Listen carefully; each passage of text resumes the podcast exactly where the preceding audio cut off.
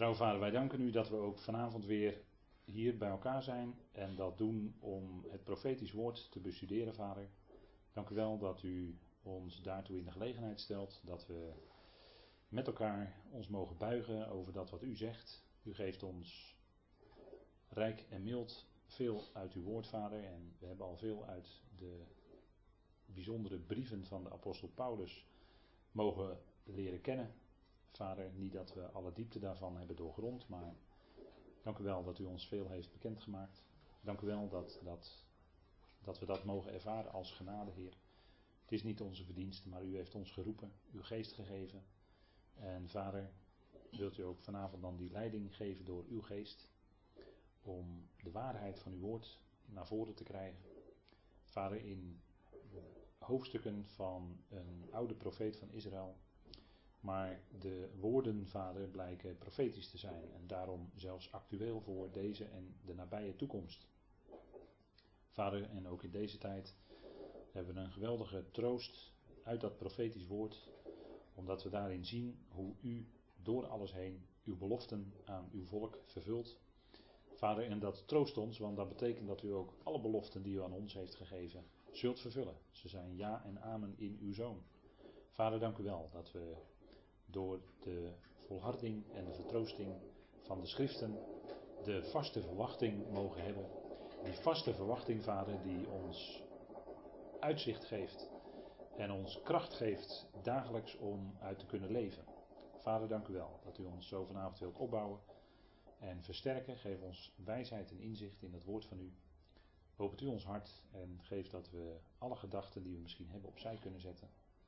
Vader, en dank u wel dat we zo vanavond weer een stapje verder mogen gaan in die bijzondere profetieën. Vader, dank u wel voor wat u gaat geven. Wilt u ons leiden en mag het zijn tot opbouw, tot lof en eer van uw naam bovenal. In de machtige naam van uw zoon. Amen. Goed, wij, uh, wij gaan kijken naar de tijdlijn die we hebben opgezet. Een eenvoudige tijdlijn met een aantal, uh, aantal zeg maar, uh, opvallende markeringen die zo in de loop van de geschiedenis en ook in uh, Matthäus uh, onder andere naar voren komen. En we hebben daarin gezien het midden van die grote verdrukkingen, het midden van de laatste jaarweek van Daniel 9, vers 24 tot en met 27. Wat toch wel een belangrijk scharnierpunt is in de profetieën. En vanaf het midden, dat is wel een belangrijke, denk ik. Wij rekenen, uh, zoals Daniel dat ook doet, vanaf het midden van die jaarweek.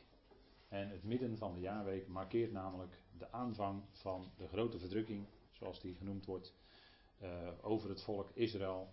Uh, zal wereldwijd zijn, maar zal zich heel erg toespitsen op de Israëlieten die op dat moment zich in het land Israël bevinden. En daar zullen denk ik ook wel mensen bij zijn, heel wat mensen bij zijn die op dit moment, en dat maakt, komt het ineens heel dichtbij, die op dit moment in Israël leven, die zullen die verdrukking gaan meemaken. En dan zien we dus dat er 1260 dagen lang, zoals u midden op uw A4'tje ziet staan, grote verdrukking zal zijn. Dat is een heel bekend gegeven voor u. En die periode die wordt namelijk in openbaring ook aangeduid, maar dan op een andere manier. En dat is een periode van 42 maanden. En een maand wordt in de Bijbel gerekend als zijnde 30 dagen. Israël, had de, Israël heeft eigenlijk de maankalender. Dus uh, daar gaat dus om het, hè, de, de verschijning van de maan. Dus dan heb je steeds om de zoveel tijd nieuwe maan. En dan op een gegeven moment volle maan waarbij altijd veel kindertjes worden geboren. En dan gaat die maan weer terug, zeg maar. Dan wordt hij weer duister en dan begint hij weer opnieuw. Dat is, dat is de cyclus. En sowieso de kalender van Israël. Nou, in openbaring 13, laten we dat even met elkaar opzoeken. Openbaring 13. Daar lezen wij over die 42 maanden.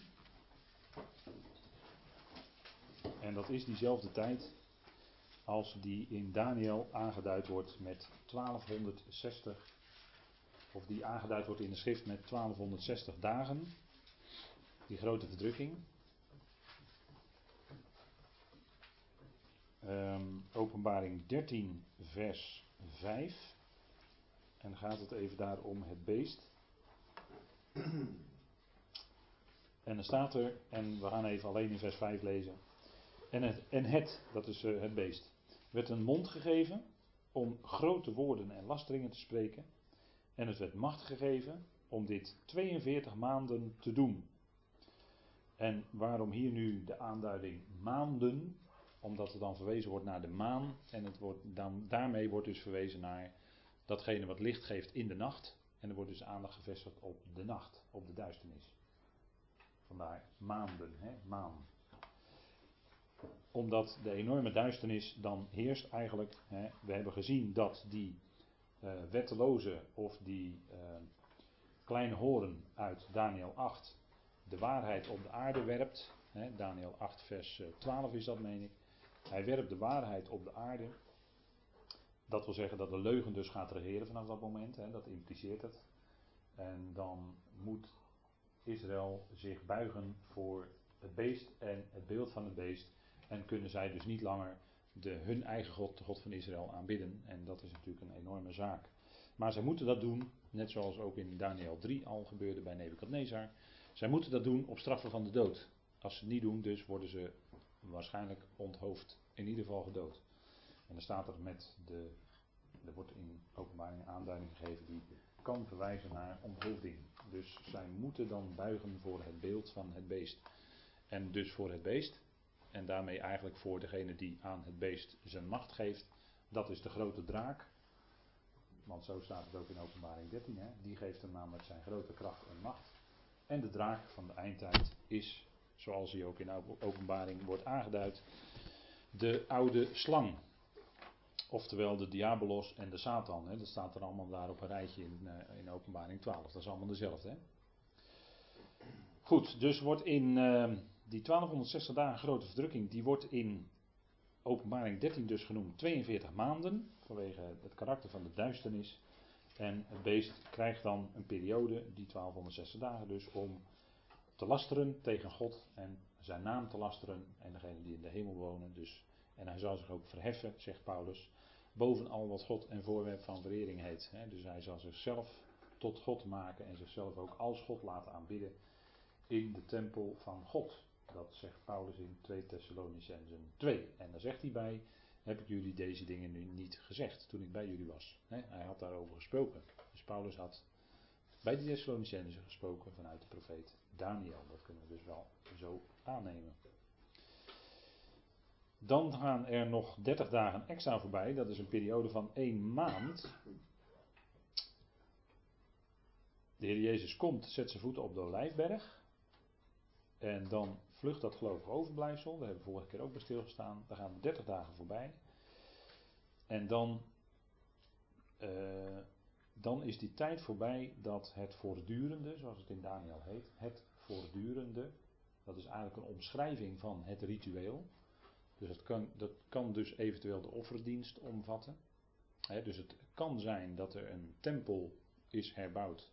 Het Tempelinstituut heeft uh, in Jeruzalem heeft uh, de tempel in een soort prefabricatietoestand klaar. Die kan in drie maanden tijd opgezet worden. Alle gerei voor de tempeldienst ligt klaar. Men heeft de rode koe, om maar iets te noemen. Hè. De rode vaars of de rode koe heeft men, zodat men ook het, de as ter ontzondiging heeft. Dus men kan de hele offerdienst in Israël instellen. En meestal in uw vertalingen komt u tegen het gedurige offer, of het dagelijkse offer, of het dagelijkse brandoffer, of het noem maar op. Maar er wordt steeds het woord offer toegevoegd waar het in het Hebreeuws niet staat. Er staat alleen het voortdurende in het Hebreeuws. En dat is dus een uh, omschrijving waarmee eigenlijk alles omvat wordt wat eventueel met een ritueel te maken kan hebben. Dus het kan omvatten het dagelijks morgen- en avondoffer. Het kan omvatten het jaarlijkse offer, wat op Grote Verzoendag wordt gebracht. Hè, de twee bokken, waarvan één Azazel heet en de woestijn in wordt gestuurd. Het kan omvatten de rode koe.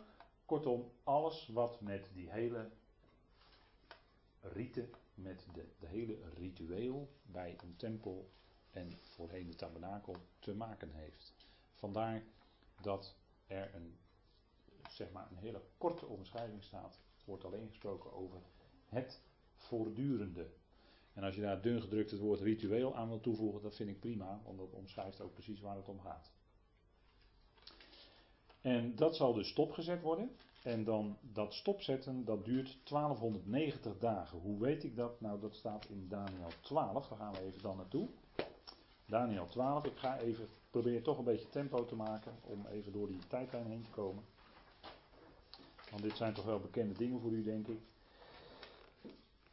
Daniel 12 en dan ehm, vers 11.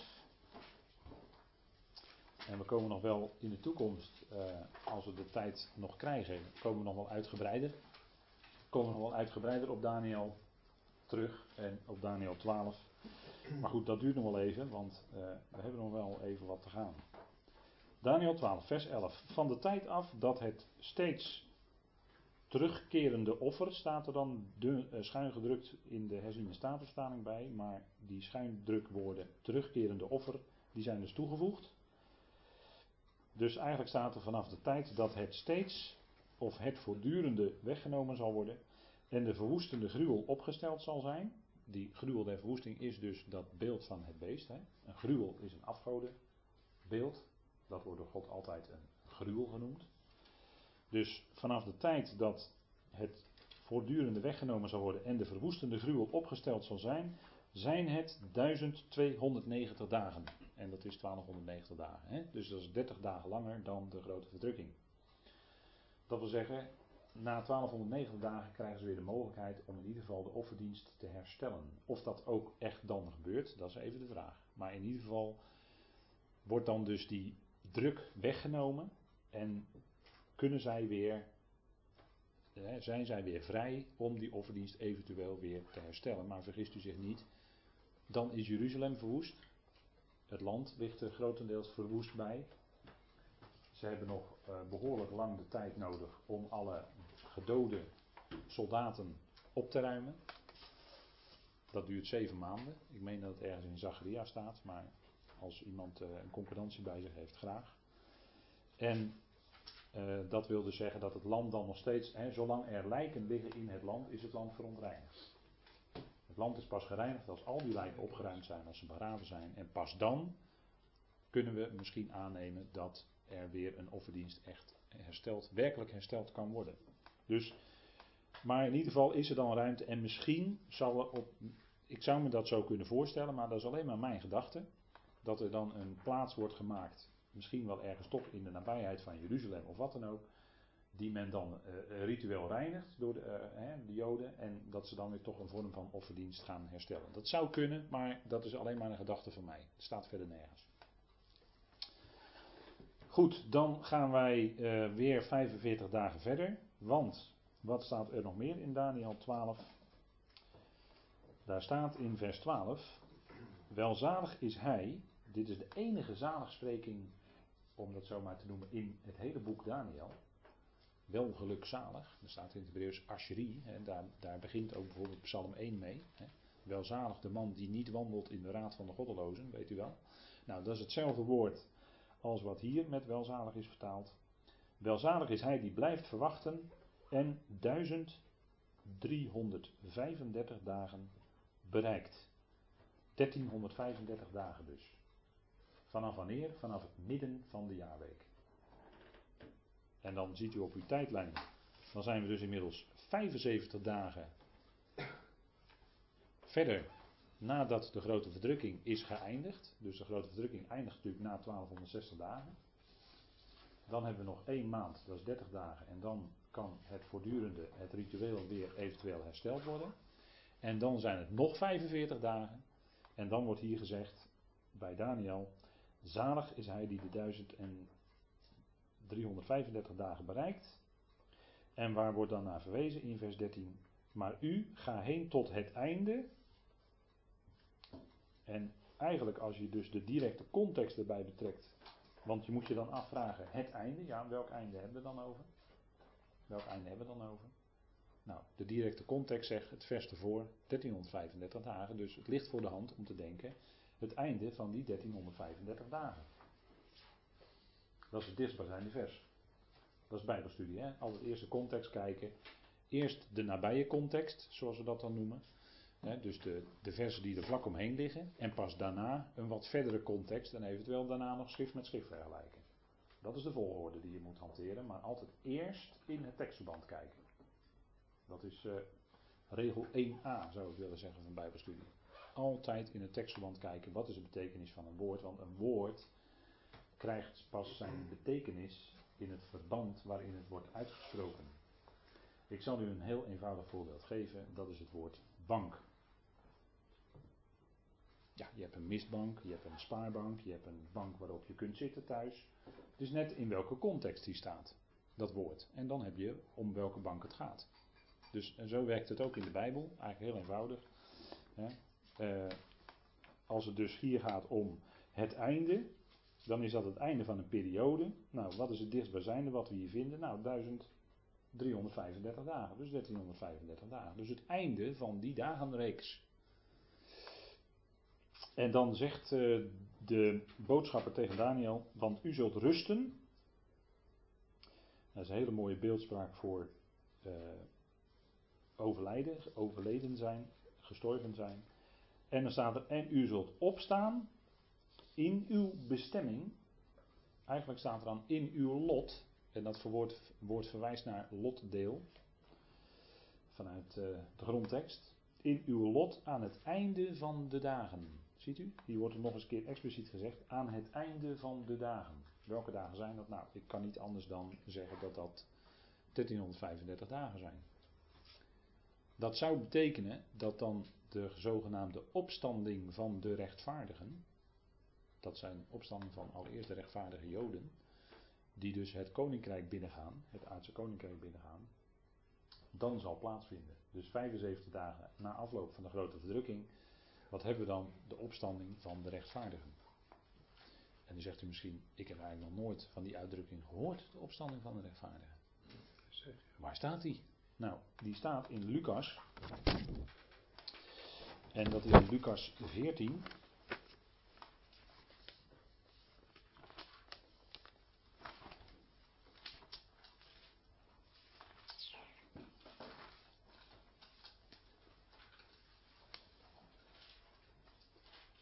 Lucas 14, en ik, ik kan hem onthouden omdat hij uh, staat in vers 14, Lucas 14, vers 14. Dus dat is vrij makkelijk te onthouden.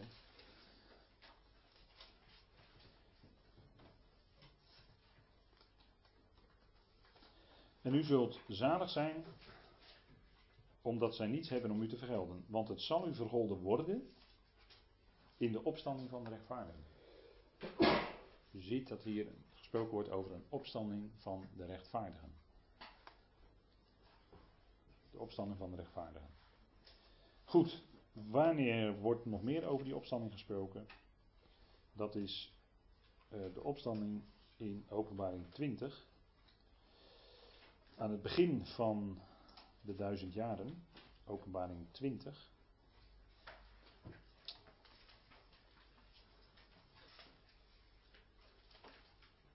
En daar wordt namelijk ook gesproken over een opstanding.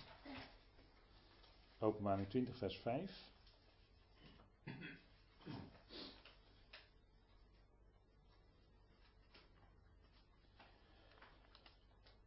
Even kijken, vers en er staat, en ik zag de zielen van hen die onthoofd waren om het getuigenis van Jezus en om het woord van God, die het beest en zijn beeld niet hadden aangebeden, die het merkteken niet ontvangen hadden op hun voorhoofd en op hun hand. En zij werden weer levend en gingen als koningen regeren met Christus duizend jaar lang. Maar de overige van de doden werden niet weer levend totdat het duizend jaar tot een einde gekomen zijn. Dit is de eerste opstanding. Dus hier wordt ook gesproken over een opstanding aan het begin van de duizend jaar. En het is heel goed mogelijk dat dat om hetzelfde moment gaat. Als u mij vraagt, op dit moment zeg ik ja, dat gaat om hetzelfde moment. Maar goed. Um, goed, dat even over de opstanding van de rechtvaardigen. Gaan we even terug naar Daniel. En Daniel die spreekt dan ook nog over een periode van 2300 dagen. 2300 dagen. En dat wil ik ook even met u opzoeken. Dat is namelijk Daniel 8. Daniel 8. vers 12. Daniel 8, vers 12.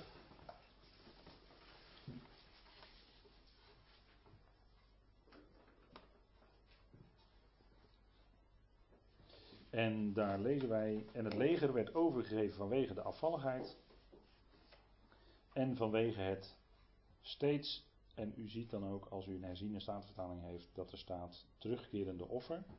En eigenlijk staat daar dus dat het voortdurende. En hij wierp de waarheid ter aarde en hij deed het en het gelukte.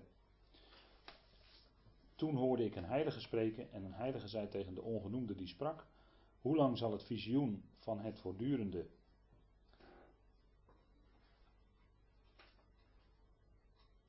en het stopzetten van het offer, staat er dan in de Griekse Septuagint vertaling bij, dus van het voortdurende, namelijk het stopzetten van het offer en de verwoestende afvalligheid gelden.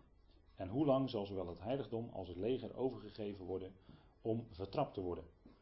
En hij zei tegen mij, tot 2300 avonden en morgens. Dan zal het heiligdom in rechten hersteld worden. Dus dan zal uh, het heiligdom of de heilige plaats zal rechtvaardig bevonden worden, staat er eigenlijk. Dus die heilige plaats zal dan rechtvaardig bevonden worden. En hier wordt dus gesproken over 2300 dagen. En dat is dus een, eh, een lange periode.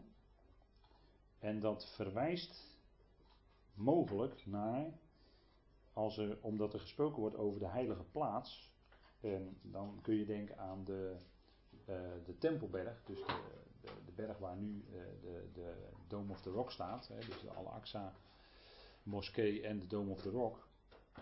Uh, als die plaats is, er zal dan weer een heiligdom opgericht worden.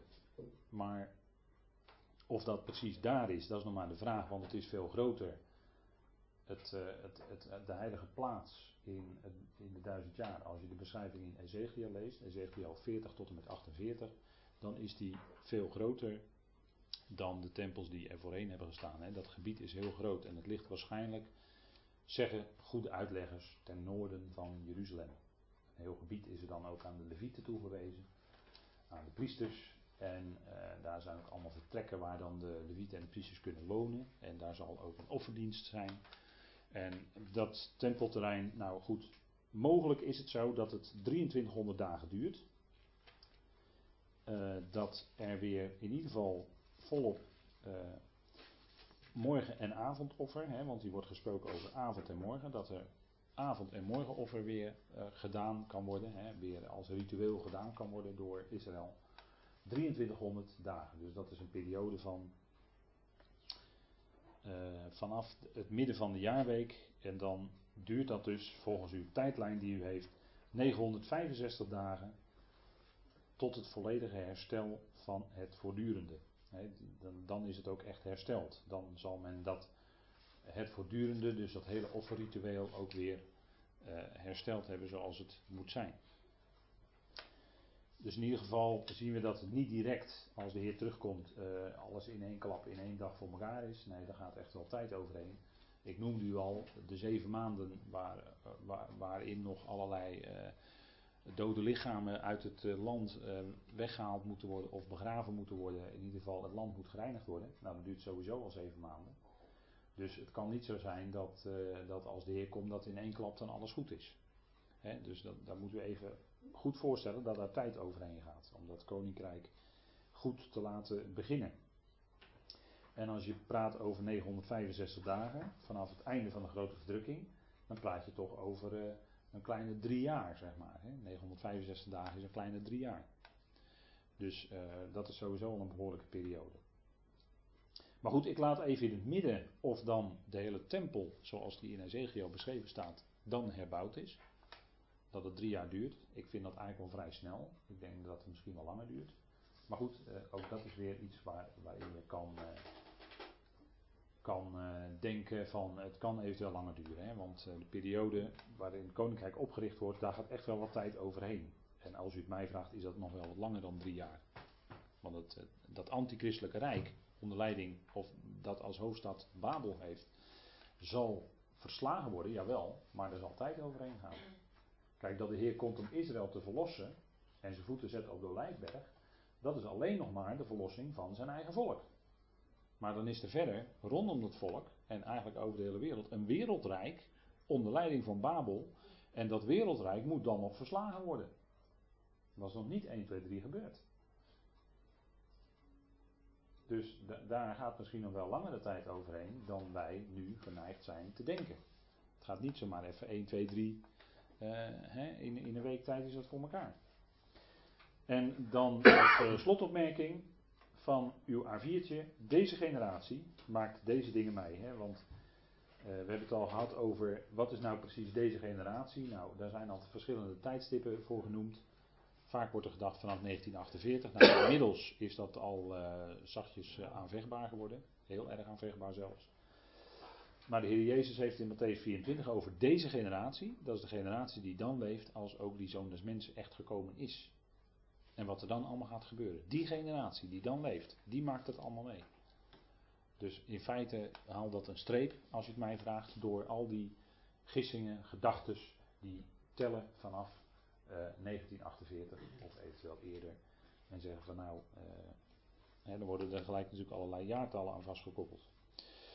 Goed, um, als er geen vragen meer over zijn, ja. maar misschien heeft u nog een heleboel vragen, dat zou best kunnen, uh, nee, dan ga ik, ik, verder. Ik lees ergens dat Babel binnen 24 uur.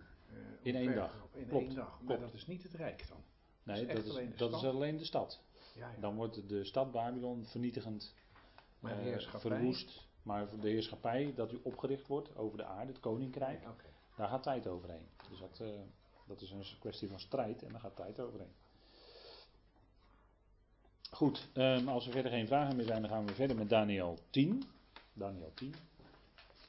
En Daniel 10, dat is uh, een, uh, misschien voor velen toch wel een beetje een moeilijk hoofdstuk. Waarom? Omdat je het eigenlijk gauw overslaat. Kijk, Daniel uh, uh, 2, 7, 8, 9, 11, dat is allemaal profetie. Dat is allemaal gebeurtenissen die beschreven worden voor een toekomstige tijd of voor de verleden tijd waar, waaruit je dingen kan interpreteren. Dus die hoofdstukken worden vaak bestudeerd en naar voren gehaald. En Daniel 10, dat is eigenlijk een beetje een hoofdstuk wat altijd dan men laat liggen. En toch zit er in Daniel 10 nog wel het nodige waarvan ik denk, het is absoluut de moeite waard. Het is Gods woord tenslotte om het mee te nemen en dat ook gewoon met elkaar te lezen en te kijken gewoon, nou wat staat daar nou eigenlijk? Hè? Dat is denk ik toch wel een goede zaak. Goed, dan gaan we even lezen met elkaar in Daniel 10. En dan lees ik even eerst met u de versen 1 tot en met 14. In het derde jaar, Daniel 10 vers 1, van Kores, de koning van Perzië, werd er een woord geopenbaard aan Daniel, aan wie de naam Belshazzar gegeven is. Dit woord was waarheid en ging over een grote strijd. Hij begreep het woord en hij kreeg inzicht in het visioen. In die dagen was ik Daniel drie volle weken aan het rouwen. Smakelijk voedsel at ik niet, vlees of wijn kwam niet in mijn mond en mijzelf zalven deed ik helemaal niet, totdat de drie volle weken voorbij waren. Op de 24e dag van de eerste maand bevond ik mij aan de oever van de grote rivier, dat is de Tigris. En ik sloeg mijn ogen op en zag en zie, er was een man gekleed in linnen, zijn heupen omgord met het fijne goud van Oefas, zijn lichaam was als turkoois, zijn gezicht als het uiterlijk van de bliksem, zijn ogen als vuurvakkels, zijn armen en zijn voeten als de glans van gepolijst koper, en het geluid van zijn woorden als het geluid van een menigte. Ik, Daniel, ik alleen zag dat visioen, maar de mannen die bij me waren zagen dat visioen niet. Er viel echter een grote verschrikking op hen en zij sloegen op de vlucht om zich te verbergen. Ik echter, ik bleef alleen achter. Toen ik dat grote visioen zag, bleef er in mij geen kracht over. Mijn uitstraling werd aan mij veranderd in verval en ik had geen kracht meer over.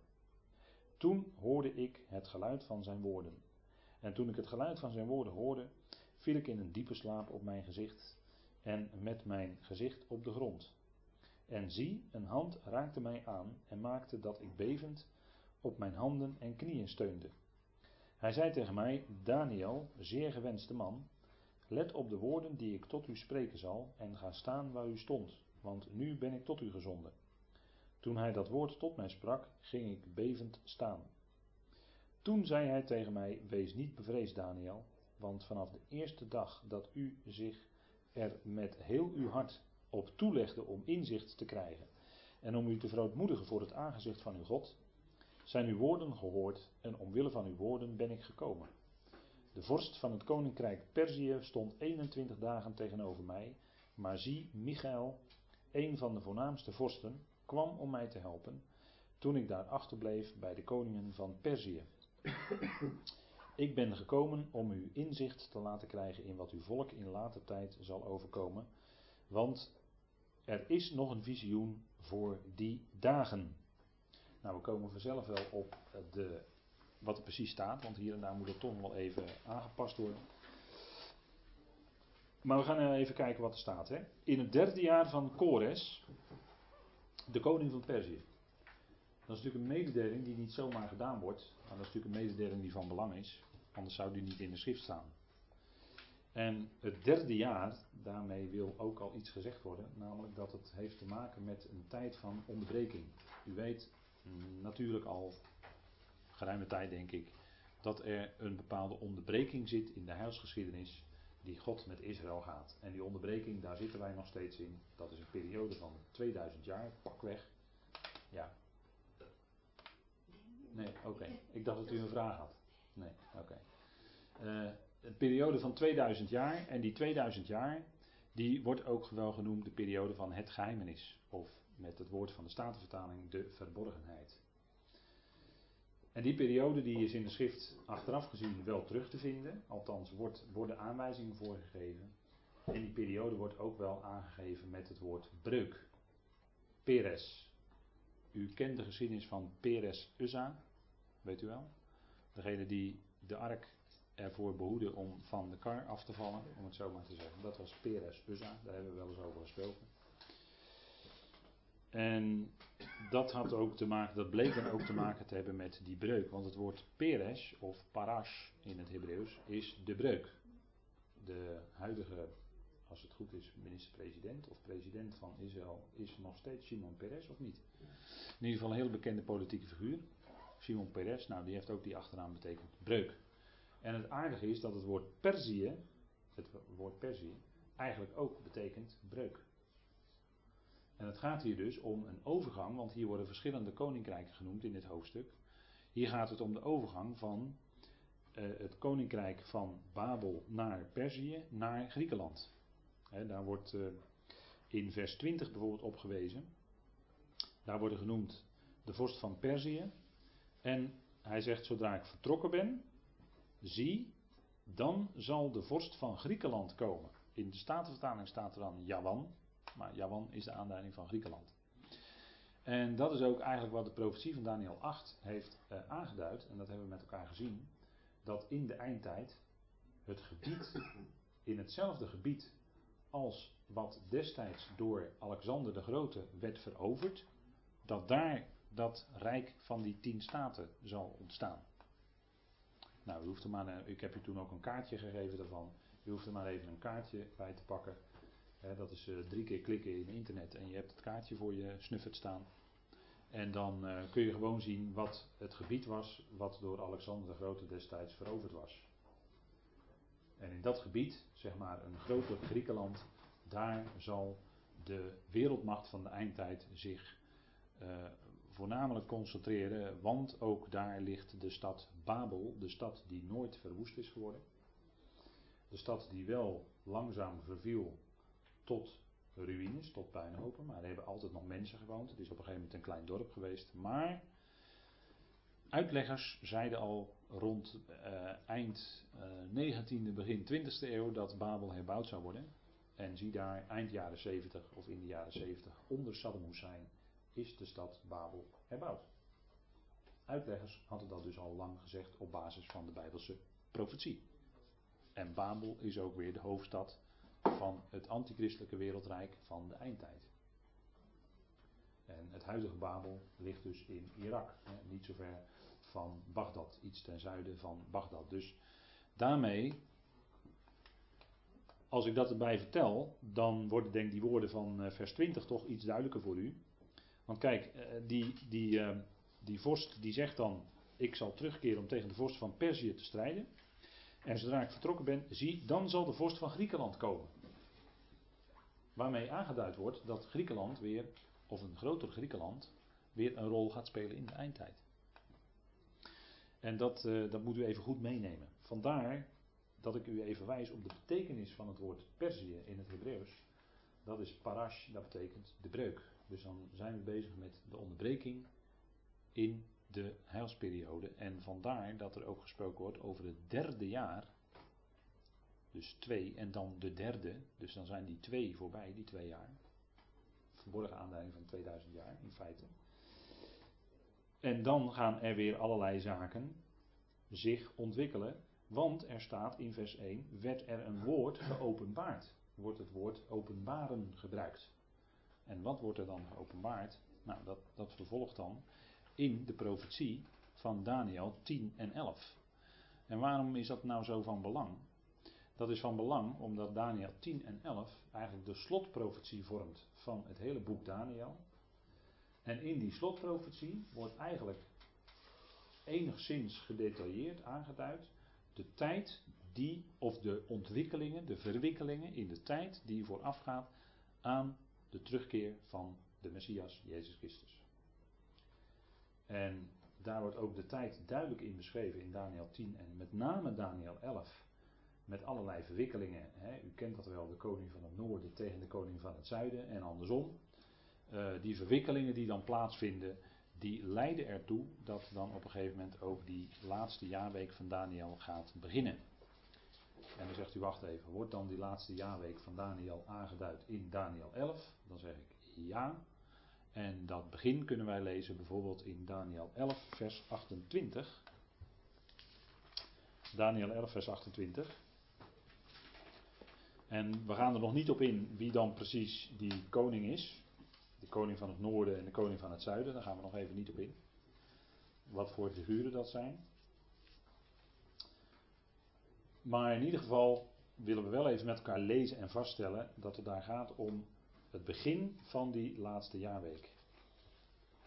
En dan staat er in Daniel 11, vers 28. En hij, dat is die koning van het noorden feitelijk, zal terugkeren naar zijn land met grote bezittingen, want hij eh, zal uh, overwonnen hebben. Hij zal ook heel voortvarend zijn in die eindtijd, hè, de tijd vlak voor het begin van de jaarweek. En dan zal hij terugkeren naar zijn land met grote bezittingen en zijn hart zal op, staat er letterlijk. Zijn hart zal op het heilige verbond zijn en hij zal het doen en terugkeren naar zijn land. Dat staat er eigenlijk. Dus hij zal het doen en terugkeren naar zijn land. Wat zal hij doen? Hij zal zijn wil doen. Hij zal doen wat hij wil. Hij zal doen wat hij wil. En hij zal, het zal hem ook gelukken. Het zal hem ook lukken. En dat zijn dingen die we in Daniel 7 en 8 ook hebben gelezen. En het punt is dat hier staat: zijn hart zal op het heilige verbond zijn.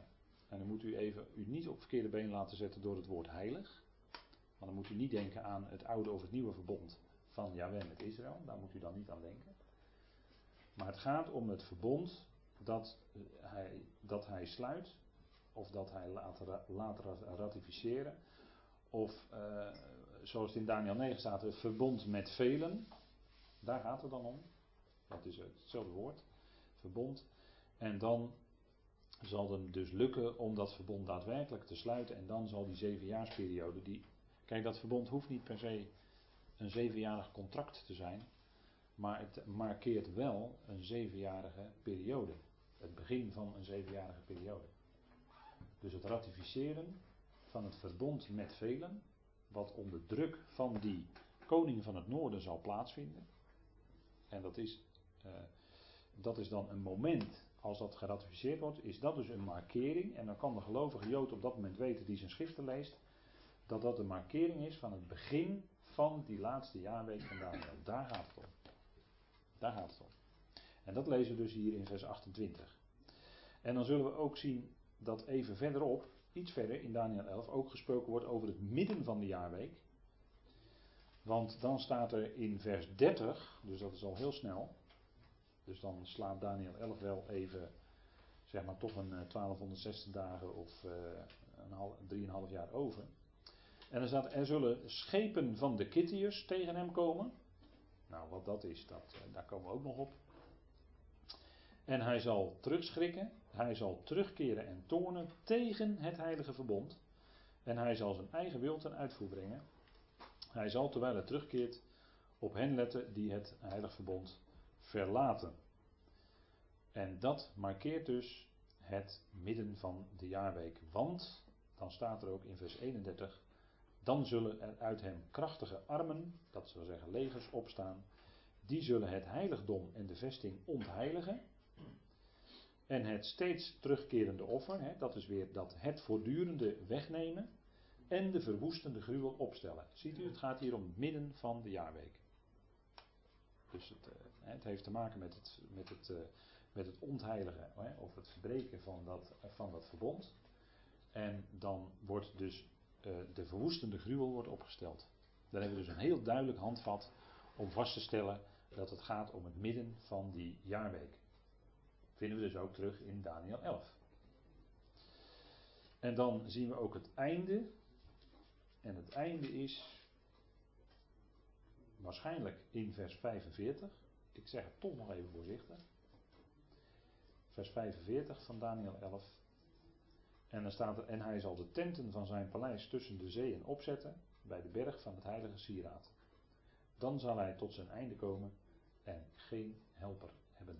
Dus dat is het einde van de carrière van de koning van het noorden. En mogelijk markeert dat ook het einde van de jaarweek. Maar dat is, zeg ik nog even onder voorbehoud. Dat ligt nog niet helemaal uit of dat zo is. Maar in ieder geval hebben we een duidelijk markering in Daniel 11, vers 28 van het begin van de jaarweek. En een aantal versen verder dus van de helft van de jaarweek. Dan ga je dus uh, terugkijken in Daniel 11 en wat is dan je gedachte daarbij? Het kan eigenlijk niet anders, dat dat wat voor vers 28 gebeurt, gaat dus over de tijd die voorafgaat aan het instellen van dat verbond met velen. Dat wil dus zeggen dat Daniel 10 en 11 ons allerlei informatie biedt, waaruit wij uh, kunnen zien, eventueel bepaalde ontwikkelingen, die dus voorafgaan aan het sluiten van het verbond. Hoeveel wij daarvan meemaken, is nog weer een andere vraag. Want dat is misschien ook moeilijk vast te stellen, maar het zal in ieder geval voor de Joden, voor Israël, een handvat zijn om die dingen te kunnen onderkennen. Gelovige Joden natuurlijk, hè, die, uh, die hun nacht lezen. Goed, we gaan even weer verder terug naar uh, Daniel 10. En hiermee heb ik even willen aangeven het belang van Daniel 10, wat daar gebeurt. Want het is een inleiding op het grote laatste visioen, profetische blik, die Daniel kreeg over die tijd. Goed, Daniel 10.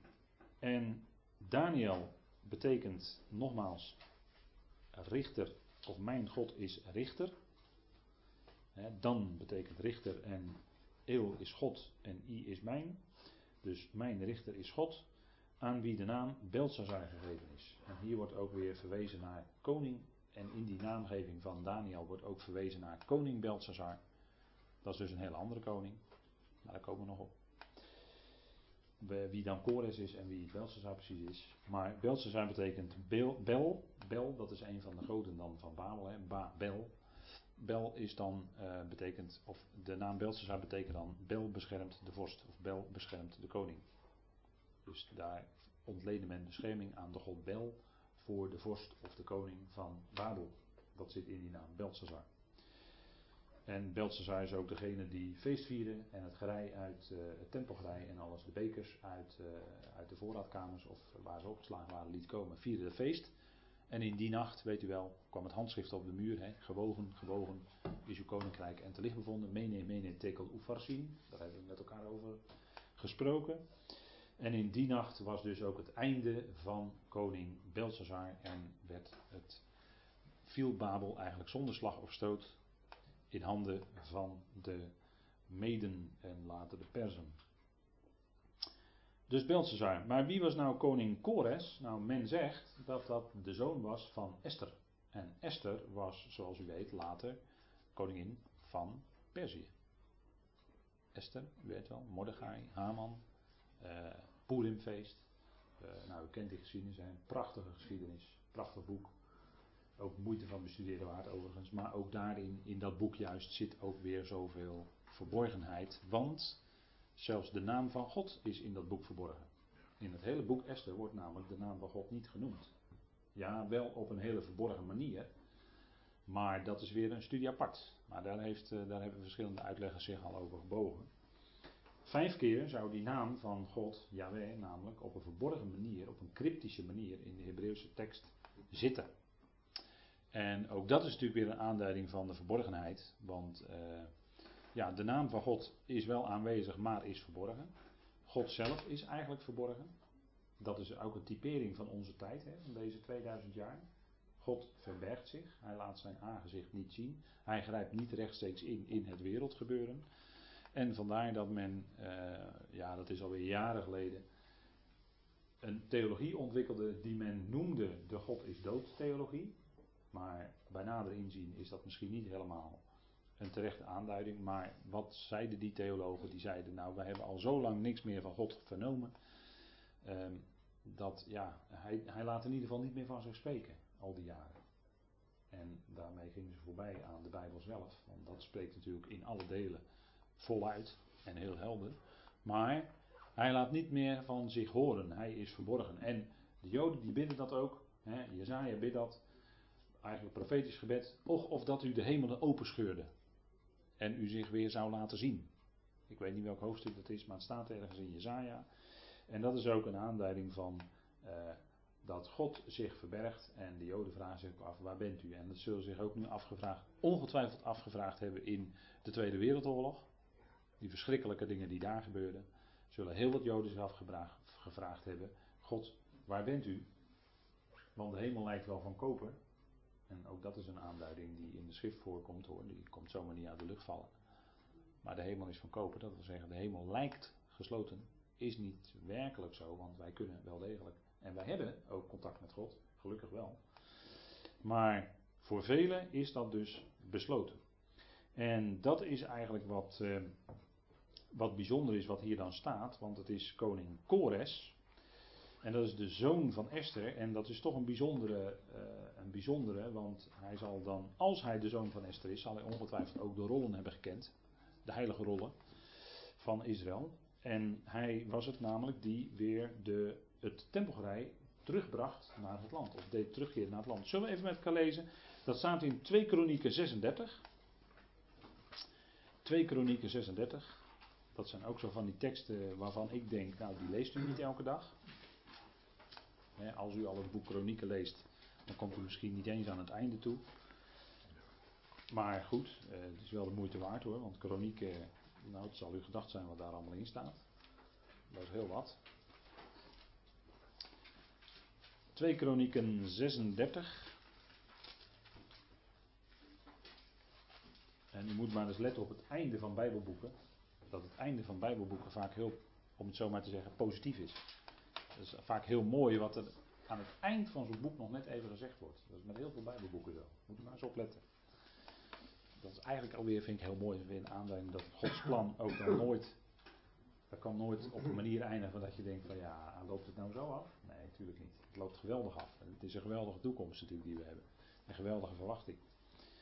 En dan staat er in uh, 2 Kronieken 36, vers 22. In het eerste jaar nu van Kores, de koning van Perzië, wekte de Heere, dus Yahweh, de geest van Kores op, de koning van Perzië, opdat het woord van Yahweh, dat hij bij monden van Jeremia gesproken had, vervuld zou worden, om door zijn hele koninkrijk een boodschap te laten gaan, ook in geschriften. Zo zegt Kores, de koning van Perzië, alle koninkrijken van de aarde heeft Yahweh, de God van de hemel, aan mij gegeven en hij is het die mij heeft opgedragen om een huis voor hem te bouwen in Jeruzalem dat in Juda ligt. Wie er onder u ook maar tot al zijn volk behoort, Yahweh zijn God, zij met hem en laat hij optrekken. Dus Yahweh wekte de geest van koning Kores, hè, staat. U ziet dus dat dit het werk is van Yahweh eigenlijk. Hè. Wekte de geest van koning Kores op. Dus Yahweh is hier de handelende eigenlijk. En koning Kores geeft dan toestemming aan ieder die dat wil om terug te keren naar het land. Om dat te gaan herbouwen. En met name om de tempel. Want dat is natuurlijk waar het om draait. Jeruzalem is een geweldige stad, maar waarom is Jeruzalem geweldig? Omdat daar de tempel staat. En omdat daar dan Yahweh woont. Daarom is Jeruzalem een geweldige stad. En anders niet. Anders is het net zo'n stad als alle andere. En wij lezen dan verder even in het boek Ezra, dat is gelijk de volgende bladzij. Want dan zien we dat het ook gebeurt. In het eerste jaar nu van Kores, de koning van Perzië, wekte de Heer de geest van Kores op, de koning van Perzië, opdat het woord van de Heer dat hij bij monden van Jeremia gesproken had, vervuld zou worden. Om door zijn hele koninkrijk een boodschap te laten gaan, ook in geschriften. Zo zegt Kores, de koning van Perzië. Alle koninkrijken van de aarde heeft Yahweh, de God van de hemel, aan mij gegeven. En hij is het die mij heeft opgedragen om een huis voor hem te bouwen in Jeruzalem, dat in Juda ligt. Wie er onder u ook maar tot al zijn volk behoort, zijn God zijn met hem. Laat hij optrekken naar Jeruzalem, dat in Juda ligt. En laat hij het huis van Jaweh, de God van Israël, bouwen. Hij is de God die in Jeruzalem woont. En ieder die achtergebleven is uit alle plaatsen waar hij als vreemdeling verblijft, laten zijn plaatsgenoten hem helpen met zilver, met goud, met allerlei bezittingen en met vee, naast de vrijwillige gaven voor het huis van God die in Jeruzalem woont. Toen stonden de familiehoofden van Juda en Benjamin en de priesters en de levieten op, allen bij wie God de geest had opgewekt, om op te trekken om het huis van de Heer te bouwen, die in Jeruzalem woont. En allen rondom hen ondersteunden hem met zilveren voorwerpen, met goud, met bezitting, met vee en met kostbaarheden, naast alles wat vrijwillig gegeven was. Ook liet koning Kores de voorwerpen van het huis van Jahweh halen, die Nebukadnezar uit Jeruzalem had gehaald en in het huis van zijn goden had geplaatst. Kores, de koning van Perzië, liet ze halen door de dienst van Mithredat, de schatbewaarder, en die telde ze en droeg ze over aan Sesbazar, de vorst van Juda. Dit zijn de aantallen ervan: 30 gouden schalen, 1000 zilveren schalen, 29 messen, 30 gouden bekers, 410 andere zilveren bekers, andere voorwerpen 1000. Het totaal van de voorwerpen van goud en zilver 5400. Sesbazar bracht dit alles mee toen de ballingen van Babel naar Jeruzalem gebracht werden.